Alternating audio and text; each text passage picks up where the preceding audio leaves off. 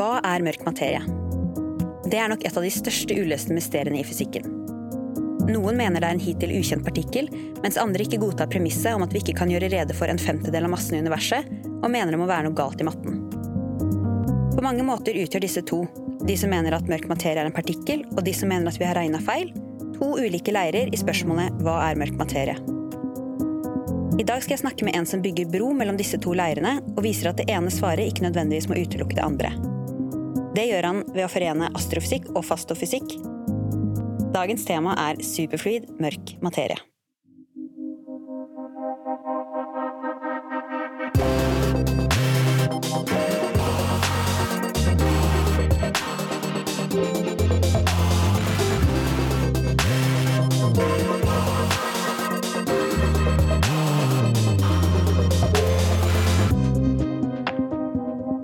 Velkommen til God fysikk, podkasten for deg som kan litt fysikk fra før, men er interessert i å lære mer.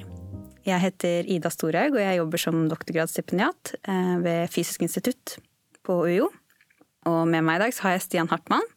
Og han eh, forsker på, eller han lager simuleringer som eh, viser hvordan universet ville sett ut dersom mørk materie oppfører seg som en superfluid væske.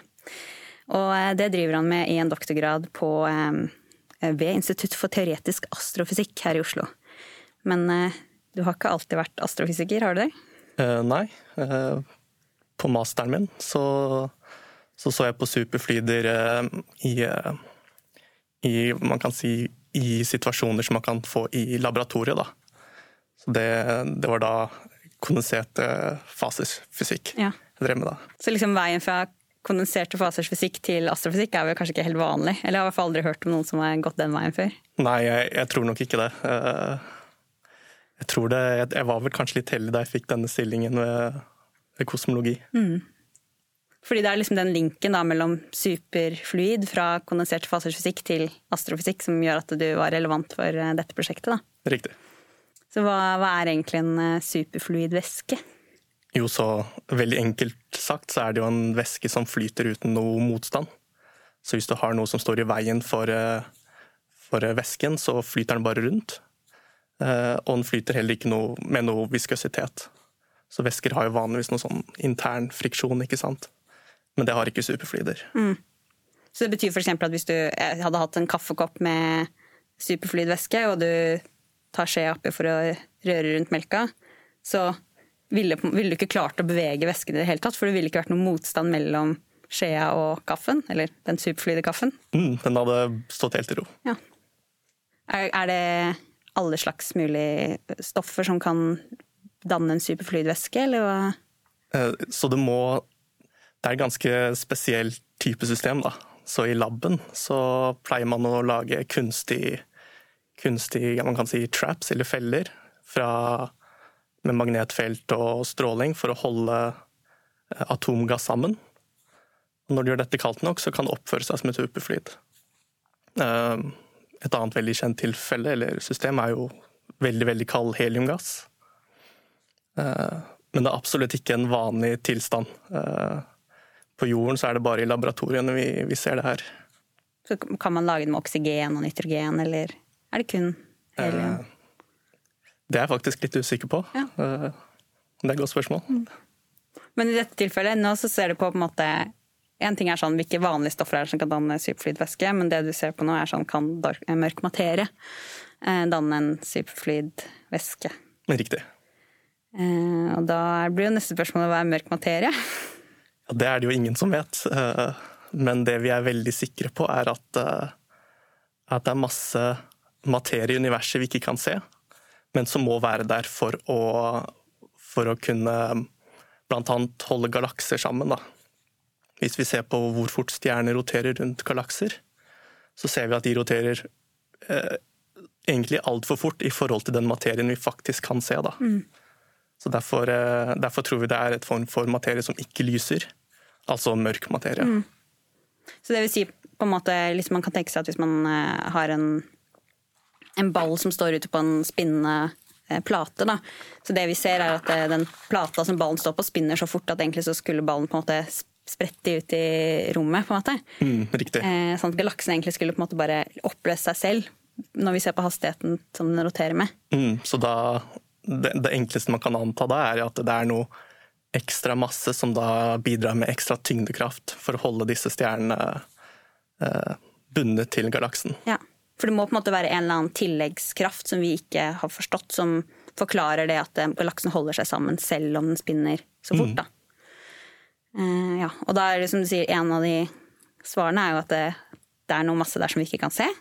Mørk materie. Men så er det noen som også mener at uh, ah, vi har ikke skjønt ordentlig hvordan vi beregner gravitasjonen i galaksene. Og, uh, og det er jo ofte det som kalles på engelsk 'modified Newtonian dynamics'. men ja, at man liksom må legge til noe i vanlig gravitasjonsteori for å forklare at de ikke spinner fra hverandre. Er, mm. ja. Jeg har på en måte lært at det er to forklaringer på at, at galaksene ikke går fra hverandre. Det ene er mørk materie, og det andre er modified Newtonian dynamics. Ja, så vi kaller det gjerne MON, da. Ja. Det er en forkortelse som gjør det litt lettere å snakke om. Ja, jeg, prøvde, jeg tenkte sånn, Siden dette er en norsk podkast, burde man prøve å finne sånn norske oversettelser. Men modifisert newtoniansk dynamikk, ja ja, det blir nok noen engelskord her og der. Ja, det gjør det. Ja. Det er veldig vanskelig å unngå. Ja, så, um, så alle er jo, eller i hvert fall de fleste er jo kjent med at uh, Newton fant den universelle gravitasjonsloven, som sier at uh, kraften mellom to gjenstander, altså tyngdekraften mellom to gjenstander, uh, avtar som avstanden kvadrert, da, blir det mm. vel. Mm. og det er nettopp denne kraften som man ser i hvert fall tilsynelatende blir for svak når man beveger seg langt ut av galaksen. For da er det for langt unna den materien vi kan se, til å, til å ha den hastigheten vi ser. Mm. Um, så Mond uh, foreslår da at uh, ok, istedenfor at vi må legge til ekstra masse, så er det tyngdekraftloven som er feil. Uh, så på liksom, kort skala er det små skala, sånn som rundt sola så ser jo Newton ut til å være veldig, veldig rett. Mm. Eh, men det er ikke noen grunn til at, at, en lov eller en teori som er rett eh, i solsystemet vårt, nødvendigvis er rett på veldig store skalaer, sånn som galakser. Da. Eh, så da er jo Det Mond gjør, er å si at tyngdekraftloven er sterkere over de større avstandene. Ja. Men uh, Mond er vel ikke så populær blant astrofysikere, er det det? Nei. Uh, så Mond ser ut til å forklare ganske greit det vi ser i galakser. Iallfall en del ting vi ser i galakser. Men uh, universet er ganske mye mer enn galakser. Det er veldig, veldig stort. Og på skalaene over det igjen så ser det ut til at mørk materie beskriver ting bedre. Mm. Ja, og skallen over det er på en måte systemer av galakser, det som kalles mm. galaksehoper. Og... Mm, og så har du da liksom samlinger av galaksehoper. Så har du eh, mm. Man har jo blant annet eh, bakgrunnsstrålingen, som gir oss veldig, veldig mye informasjon om hvordan galaksen, eller universet, da, så ut for veldig lenge siden. Mm. Eh, og den er også veldig vanskelig å forklare med Mond, men med mørk materie så, så funker det veldig, veldig bra. Ja. Og bakgrunnsstrålingen det er kan man si, et slags eh, teppe av eh, fotoner med et visst energispekter som når deg alle steder. Uansett hvor du er i universet, så treffer den bakgrunnsstrålingen deg. Og vi tror at den kommer fra liksom Eller at den ble dannet helt i begynnelsen av universets eh, eksistens. Da, eller, ja. mm, så ganske tidlig i universet. Og den gir oss mye informasjon om hvordan massen var fordelt. Eh, og hvilke komponenter som er i universet vårt. Ja. Eh, og, og, for å få dette til å, liksom, til å få teorien til å passe med observasjoner, så trenger man eh, ganske mye mørk materie. Mm. Og mengden materie man trenger da, passer med det vi ser i galakser. Ja. Så det du sier nå, er at på små skalaer galakse. Det er morsomt at man sier sånn småskala er en galakse. Det er kosmologer så er det ja, veldig småskala. Det er sånn der, mind-blowing å tenke på, liksom. Men eh, ja, på små skalaer så er Mond bra, men på store skalaer så må vi ha mørk materie.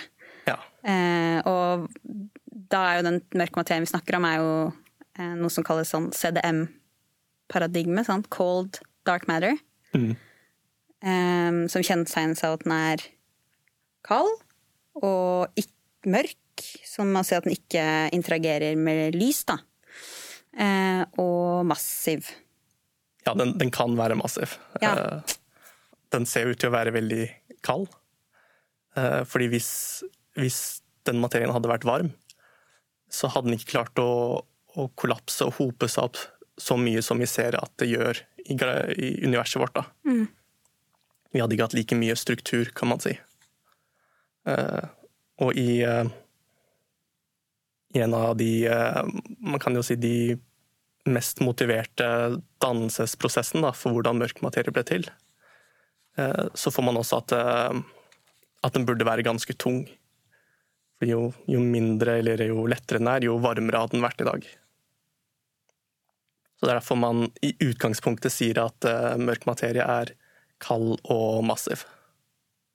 Og når, det, når, du sier at jo lettere den er, jo, mørk, nei, jo varmere vil den vært, så er det fordi at eh, lette partikler kan ha høyere hastighet, på en måte, og da mm. kan de Varme er jo egentlig bare partikler som eh, kolliderer med hverandre i, i en økt hastighet, er det ikke det? Ja, så for mørk materie så de ser ikke ut til å kollidere så mye med hverandre heller. Nei. I hvert fall ikke eh, Det er ikke stor grunn til å tro det. Eh, så når vi snakker om temperatur eller varme, så sier man egentlig noe om den midlere hastigheten, da, kan man si. Mm. Så er den typiske hastigheten mørk materie har i universet? Så når vi sier mørk, så er det mørk fordi, som du nevnte, så er det, en, det er noe masse der som vi ikke mm. kan se. Og grunnen til at vi ikke ser det, er fordi lys ikke interagerer med det. Um, sånn at eh, Jeg vet ikke, det ville jo vært sånn for eksempel, Grunnen til at vi ser månen, er jo fordi at lyset fra sola treffer månen og kommer tilbake til jorda, sånn at vi kan oppfatte det. Mens måte, det er helt avhengig av at det, det, lyset treffer månen. Så hvis lyset bare hadde gått gjennom månen, så hadde månen vært mørk, da, eller usynlig for oss. Og det er på en måte litt sånn som den mørke materien som man mm. ser i universet. De er eh, på en måte eh, Så lyspartikler klarer ikke å se dem, da. Mm. De klarer ikke å, å, interagere med dem. Eh, og dermed vise hvor de er, da. Men vi vet at det heter mørk materie, så det, vi vet at det er masse, og det vet vi fordi vi ser effekten som tyngdekraften har. Mm. og den kalde mørke materien forklarer veldig godt observasjonene man har på store skalaer. Mens på små skalaer så er ikke Eh, den kalde, mørke materien så veldig god forklaring på, på eh, de galaksene vi observerer. Da. Ja, den, den, er en veldig god forklaring på veldig mye av det vi ser, men det er noen, eh, det er noen litt sånn rare ting vi ser. Blant annet så ser vi at rotasjonen til stjerner langt unna galakser ser ut til å avhenge veldig tett med den totale massen av synlig materie. Da. Så det er et forhold der. Mm. Eh, som er litt rart, fordi det er jo den mørke materien som, som bidrar til den meste av kraften, da, som forårsaker den rotasjonen. Eh, så det du sier nå, på en måte at den kraften som holder stjerna inni galaksen, er ikke bare avhengig av massen fra mørk materie og den synlige materien, men den er også kun avhengig av massen av den synlige materien? Ja, det ser ut som på en måte den mørke materien vet hvor mye synlig materie det er, og da forårsaker eh, kraften til å, til å, avhenge av det. Da. Ja. Eh, så det er ganske rart. Mm. Eh, det kan være en naturlig årsak som vi ikke klarer å få inn i simuleringene våre ennå. Men her er jo Mon da en fordel, eller den har en fordel, fordi det er en direkte konsekvens av, av Mond. Mm.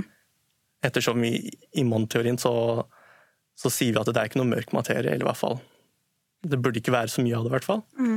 Eh, og denne akselerasjonen, denne kraften, er eh, direkte kobla til den synlige massen. Og derfor får du denne direkte koblingen mellom eh, rotasjon, ro, rotasjonshastighet og totalmasse av mm. synlig materie. Er det noen andre observasjoner som vi ikke kan forklare med kald, mørk materie-teorien? Ja, det er eh, Så her kommer det litt på det jeg gjør, da. Eh, eller blant annet jeg gjør. Eh, det ser jo ut som mørk materie av og til danner for mye struktur. Eh, og gjør galakser, i hvert fall de minste galaksene, gjør dem for eh, at de har for høy tetthet i sentrum av galaksene. Mm. Det er det simuleringene sier. Eh, men observasjoner ser ut til å vise at de ikke er så tett i midten av, eh, av sentrene sine. Så det kan jo være, være en egenskap ved mørk materie som forårsaker det, da, som vi ikke kjenner til. Så det betyr at vi, vi tror, eller hvis vi følger denne kald mørk materie-beregningene, så, så, tror vi at det er veldig mye mer mørk materie i midten av galaksene enn det observasjoner tilsier. Mm. Du sier at det, det fins mørk materie i midten av galaksene. Eh, hvor ellers fins egentlig mørk materie? Fins det overalt? Eh, I utgangspunktet, ja. Men akkurat som den synlige massen vi ser, hoper seg sammen og danner galakser, så, så, gjør jo mørk materie det samme. Den hoper seg sammen i det vi kaller ja, På engelsk er det dark halos. Jeg slo opp dette før vi kom. Det heter halo på norsk. Halo, ja. Eh, som mørke haloer. Ja. det høres veldig rart ut, men ja. Eh, da, så disse er jo da rundt de galaksene vi ser, da. Mm. Så de dannes jo på en måte sammen. Ja. Eh, og det er der du finner det meste av det meste av det mørke materie. Eller iallfall det er der det har høyest tetthet og sånt. da. Ja, fordi nettopp det er den mørke materien som holder galaksen sammen, så du må på en måte ha den der ringen rundt galaksen for å holde mm. den sammen. Så det betyr at vi ikke finner så mye mørk materie mellom galaksene, eller? Jo, jo, vi gjør jo det. Ja. Er det mørk materie her? I rommet? Ja. ja. Hvis mørk materie eksisterer, så, så, er det overalt. Så akkurat nå så flyr det masse mørk materiepartikler gjennom oss. Mm. For man har jo beregna ut ifra sånn det du sier med Man kan liksom se gravitasjonseffektene, og ved å se på de, så har man jo beregna at eh, mørk materie utgir eh, ja, fem ganger mer da, enn den vanlige synlige materien. Mm, så det er ikke bare litt mer, det er veldig mye mer? Så Betyr det på en måte at alt det vi ser her, så er det fem ganger mer mørk materie i rommet? Ja, det, det er det nok ikke. fordi altså, du, Nå er vi jo på jorda, ikke sant? og her er jo massetettheten veldig, veldig høy.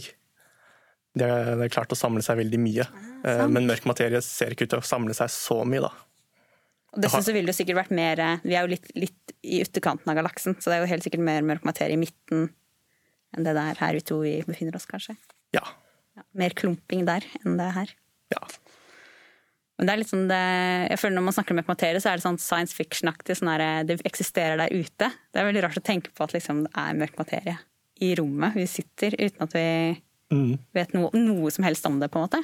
Ja, og det er jo Det ser ut til å være det det finnes mest av i universet. I hvert mm. fall mm. av materie, da. Og vi har ingen anelse om hva det er. Nei, det er, eh, det er ganske crazy. Uh, men jeg har på en måte også har alltid tenkt sånn at ok, det vi snakker om nå, enten så finnes det mørk materie, eller så er det gravitasjonskraften feil. Så det er liksom enten eller så må du velge MOND, eller så må du velge mørk materie. Men uh, det du forsker på, er vel uh, på en måte å bringe de to teoriene sammen, er det ikke det? Altså, så jeg har ikke sett på det direkte, men jeg har sett på relatert, da. Ja. Eh, så altså, i utgangspunktet så er det ingen grunn til å tro at de fysiske lovene vi har, er de endelige lovene som, som beskriver alt. Eh, gjennom historien så har vi alltid eh, modifisert det vi vet, og gjort det bedre. Så det er veldig sannsynlig at vi kommer til å gjøre det i fremtiden òg, da. Så det er et argument for at det kan være en endring i gravitasjonsloven. Eh, og på samme på partikkelsida. Vi har jo funnet masse, masse partikler, og det er ikke noen grunn til å tro at vi har funnet alle. Eh, så et realistisk bilde er at eh, det er nok en litt av begge deler. Ja, for dette var liksom en ny tanke for meg, at det, er ikke enten-eller, men du kan finne teorier som på en måte forener Mond og eh, mørk materie som en partikkelteorier, da. Mm. Hva er, hvor, hva er superfluid mørk materie da, på en måte, hvis det er en partikkel? Så da det, Så grunnen til at man kaller det superfluid, er jo at eh, når man modellerer det, så kommer man gjerne til de samme ligningene som man har for ja, superfluider her på jorda. da. Mm. Eh, så de har mye av de samme egenskapene. Så da kaller man det jo et superfluid. Eh, og noen av de egenskapene er at eh, partiklene er veldig lette, så det er veldig mange av dem. De har veldig lav temperatur, og de har litt selvinteraksjon, da, så de føler hverandre lite grann. Mm. Og det gjør at de kan på en måte slå seg til ro i så for de som kjenner kvantemekanikk, en av en måte, de første resultatene fra det er at systemet kan ha bestemte energinivåer. Da. Det er ikke liksom et kontinuum, det er eh, forskjellige energinivåer med, med, et veldig spesifikt energispekter. Mm. Ja, det er på en måte det kvant betyr, sant? En, ja. en slags udelig energimengde, eller udelig mengde, eller mm. ja. Så energi kommer i kvantumer, da. Ja. Uh, så, så, det som skjer i superflyder, i hvert fall i disse her som jeg ser på, så slår uh, disse partiklene seg i ro i grunntilstanden. Uh, som gjør at de kan på en måte De er ikke lenger individuelle partikler, men de er en samlet bølgefunksjon, da, som mm. vi kaller det. Og da har de veldig spesielle egenskaper, sånn som at de ikke føler noe friksjon eller, eller viskøsitet for kvantemekanikken min. Den ene, ene, er jo dette at energi kommer i kvantum. Eh, og det andre er det at eh, partikler beskrives av en bølgefunksjon, som er en, mm. måte en slags sannsynlighetsfordeling. Mm. Um, og det du sier nå er at hvis, du, hvis alle partiklene er i samme tilstand, så kan de bølgefunksjonene, eller de sannsynlighetsfordelingene som beskriver partiklene, slå seg sammen, og så blir det på en måte en, en samlet sannsynlighetsfordeling som beskriver hele mm. det, den mengden med partikler du har. da. Mm. Det er veldig sprøtt. Ja, det er veldig sprøtt. Fordi da, Du nevnte jo også ja, når vi snakket om det tidligere, så nevnte du det her med at eh, sånne typer væsker har kvantifisert spinn også. Mm. Ja, så, så, alle partikler eh, har, en, eh, har en kvantifisert spinn, da. En sånn eh, innebygd spinn, kan man si. Mm. Eh, dette er ikke jeg veldig ekspert på. Eh, men ut ifra det så får man da på en måte to typer partikler som har veldig forskjellige egenskaper. Mm. Eh, så på en side så har du fermioner, som har eh, halvtallig spinn. Eh, så det, det, finner man bl.a. i nøytronstjerner. Eh, så hvis du prøver å dytte fermioner sammen, så ønsker ikke de, eller de klarer ikke, å ligge i samme energitilstand. De må på en måte fylle opp alle tilstandene fra lavest energi til høyest. Eh, og det gjør at de er veldig motstandsdyktige til å kollapse og bli trukket sammen. da, Dytta sammen. Mens bosoner som har eh, heltallig spinn, de klarer å samle seg i samme eh, kvantemekaniske tilstand. Og da får man det man kaller en Bose-Einstein-kondensat. Så dette var jo Det tok 70 år fra, fra folk sa at dette er mulig, til at man faktisk så det. Så når du sier at i en superfluid så må alle partiklene i den væsken være, ha samme eh, kvantetilstand, så betyr det at eh, du må ha bosoner for å lage ja. superfluider? Eller iallfall partikler som, som, oppfører seg som bosoner. Da. Ja. Altså, jeg, jeg, tror du sa det her med at ja, hvis du da hadde hatt denne kaffekoppen med en superfluid væske, og så rører i den sånn at væska roterer, eller har spinn, da, så vil på en måte det spinnet bare være det vil også være kvantifisert, så du vil ikke på en måte kunne akselerere rotasjonen. Men den vil liksom ha sånne kvantenivåer mm. da, i spinn. Ja, så du kan se for deg at det, plutselig så hopper eh, kaffekoppen fra ikke bevege seg til å plutselig ha en viss mengde rotasjon, ja. og så plutselig en annen. Ja, det er veldig rart å tenke seg. Ja. Men, og dette her kan da være at eh, mørk materie oppfører seg på, på samme måte som, eh, som den eh, kaffekoppen vi snakker om. Du nevnte jo at når vi danner i laben, så må vi ha veldig lave temperaturer. Sant? Og det har, har, man i universet, det er jo kaldt. Og du må ha en viss eh, ja, Du snakket om disse magnetiske fellene som du lager for å på en måte trykke det sammen. Mm. Og de forholdene eksisterer jo i galaksene, mm. men ikke utenfor galaksene. Så teorien er jo at du kan få en superflyd mørk materie inni galaksen, men ikke utafor. Mm. Hva med hvis at Mond er en, eh, en kraft som oppstår i denne superflyd-tilstanden? Mm. Eh, og på den måten så har du da bare Mond i galakser, hvor det ser ut til å funke. Eh, og så unngår du det utenfor galakser. Mm. Fordi da er det sånn at det, siden disse partiklene i en superflyde væske på en måte har overlappende bølgefunksjon, er det det som forklarer at de har interaksjon seg imellom? på en måte? At de merker nabopartikkelen? Ja, så, så, i modellen så må man legge til, til den interaksjonen okay. på en veldig spesifikk måte. Okay. Så det er ikke noe som faller veldig naturlig ut. da. I hvert fall ikke det jeg vet. Uh, men det er slik vi uh, kosmologer gjør. Vi gjetter på modeller, og så ser vi hva som funker. Så hvis du har superfluid mørk materie, så må du på en måte legge til en, en, en, en et tillegg, da, som er at de mørk materiepartiklene som danner den superfluide væsken, også må interagere seg imellom. Ja, og de må også interagere, i hvert fall på et vis, med, med den synlige massen. Ja. For det, Vi snakket jo om det tidligere også, at hvis du skal på en måte forklare det at eh, galaksen ikke spinner fra hverandre, så må du ha en eller annen slags tilleggskraft da, som vi ikke som vi ikke kan forklare. Og mm. i, dette, i, disse teoriene som du jobber med, så er det eh, det at mørk materie i en superfri tilstand interagerer med synlig materie, som ja. lager en kraft som holder galaksen sammen. Ja. ja. det var litt mange steg der, ja.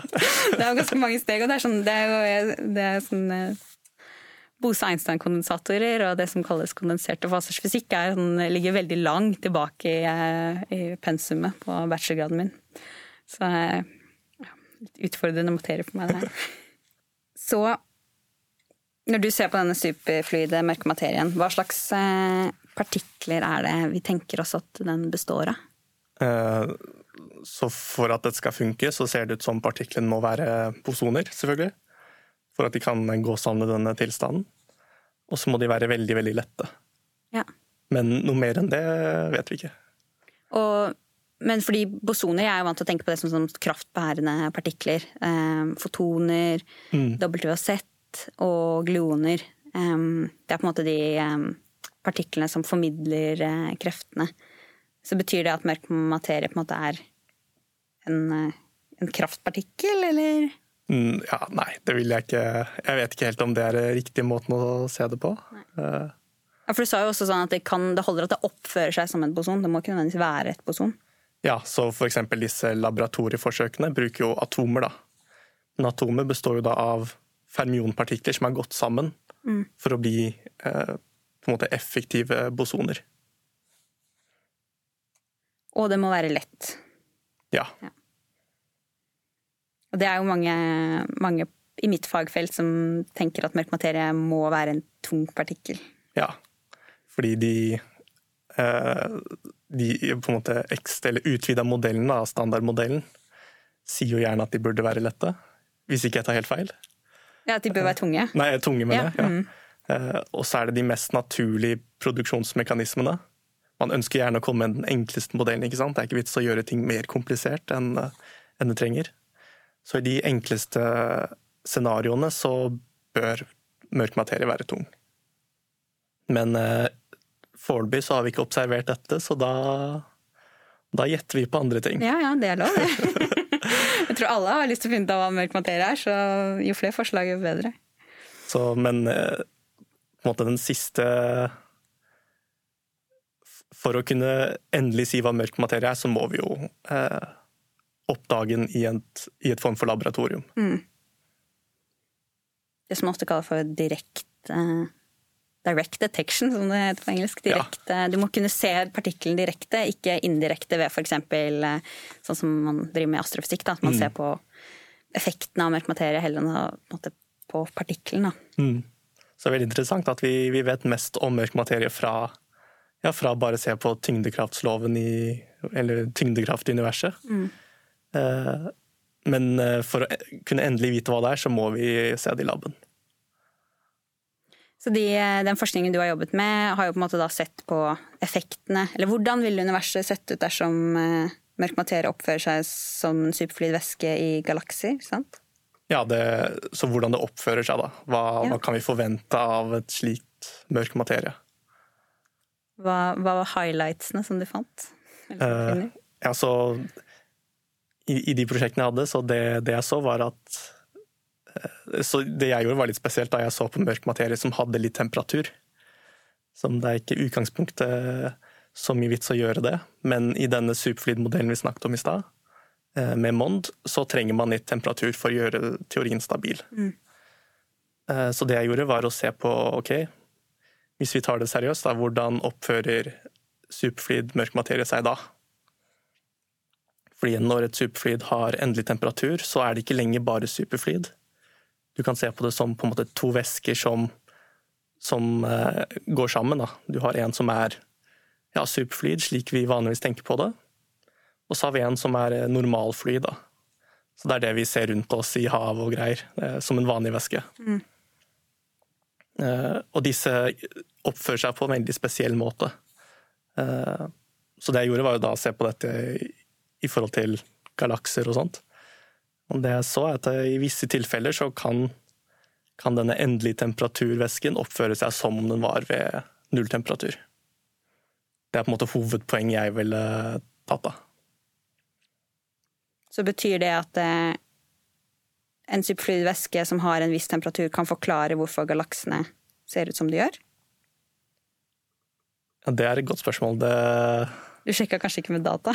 Du er jo på teoretisk eh. Ja, jeg, jeg fikk aldri kjørt de simuleringene for å, for å virkelig se eh, hvordan galakser så ut. Nei. Sånn forskjell mellom teoretiker og en eksperimentalist. Det blir sånn Stemmer det med dataen? For hva, hva, slags eh, Hva er det egentlig vi må se etter hvis vi skal finne ut om mørk materie er en superfluid væske? Det er et veldig godt spørsmål. Det Problemet er at veldig mange av disse teoriene gir veldig like svar. Ehm, så det blir på en måte umulig å se forskjell på dem. Eh, så, men hvis det har liksom mer spesifikke konsekvenser, sånn som denne superflyde Mon-teorien, som sier at det i tillegg da oppstår en, en ekstra kraft, så kan man teste hvordan denne kraften eh, sammenlignes eh, Eller hvordan det ser ut da i forhold til data og gjøre mer nøyaktige målinger av, eh, av, bevegelser av stjerner i galakser. Da ville man kunne se den kraften hvis man observerte bevegelsen til galaksene? Ja, man kan se om, stjernene, unnskyld. Man kan se om den modellen eh, klarer å forklare dataene. Det kan jo være mange modeller som også gjør det.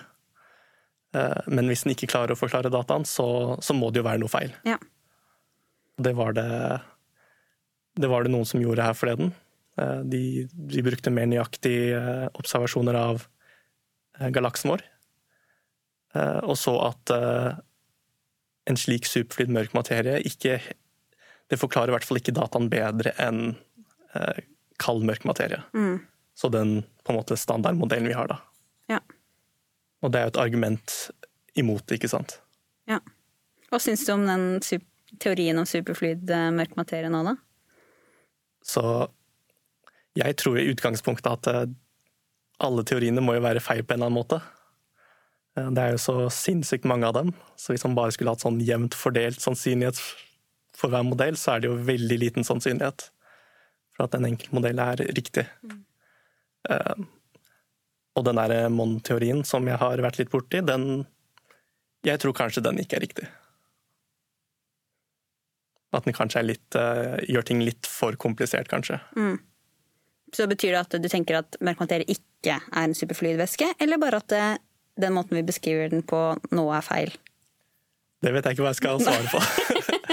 Skikkelig eh, stiller deg på eh, ja. tiltalebenken her. jeg, jeg, prøver liksom ikke å ha så veldig personlige meninger, eh, og heller se hva er man får ut av modellen, og hvordan passer det. Ja, for jeg synes det var veldig spennende både det her med at det, at du tar fra kondenserte fasers fysikk inn i astrofysikk. Veldig uvant for meg. Og ja. også det er tanken om at du ikke må enten velge mellom Mond eller mørk materie som partikkel. At det fins teorier som på en måte kan ja, eh, føre de to uh, ulike posisjonene sammen. Da. Jeg syns det er uh, mm. et veldig spennende utgangspunkt. Ja, Det er ikke usannsynlig at det er tilfellet. Det, det, er så lite, eller det er mye vi ikke vet, da. Ja, med det så tror jeg vi ja. Det var en veldig bra måte å avslutte på. Det er mye vi ikke vet. Om mørk materie er det i hvert fall mye vi ikke vet. Så tusen takk, Stian, for at du kom, kunne komme og snakke litt om én idé til hva mørk materie kan være. God fysikk spilles inn i studio hos Universitetets senter for informasjonsteknologi. Takk til Joakim Terralsen, Preben Sørheim for navneforslaget og Martin Vinje for musikken. Hvis du har tilbakemeldinger eller forslag til tema, så send gjerne en e-post til godfysikk krøllalfa gmail.com.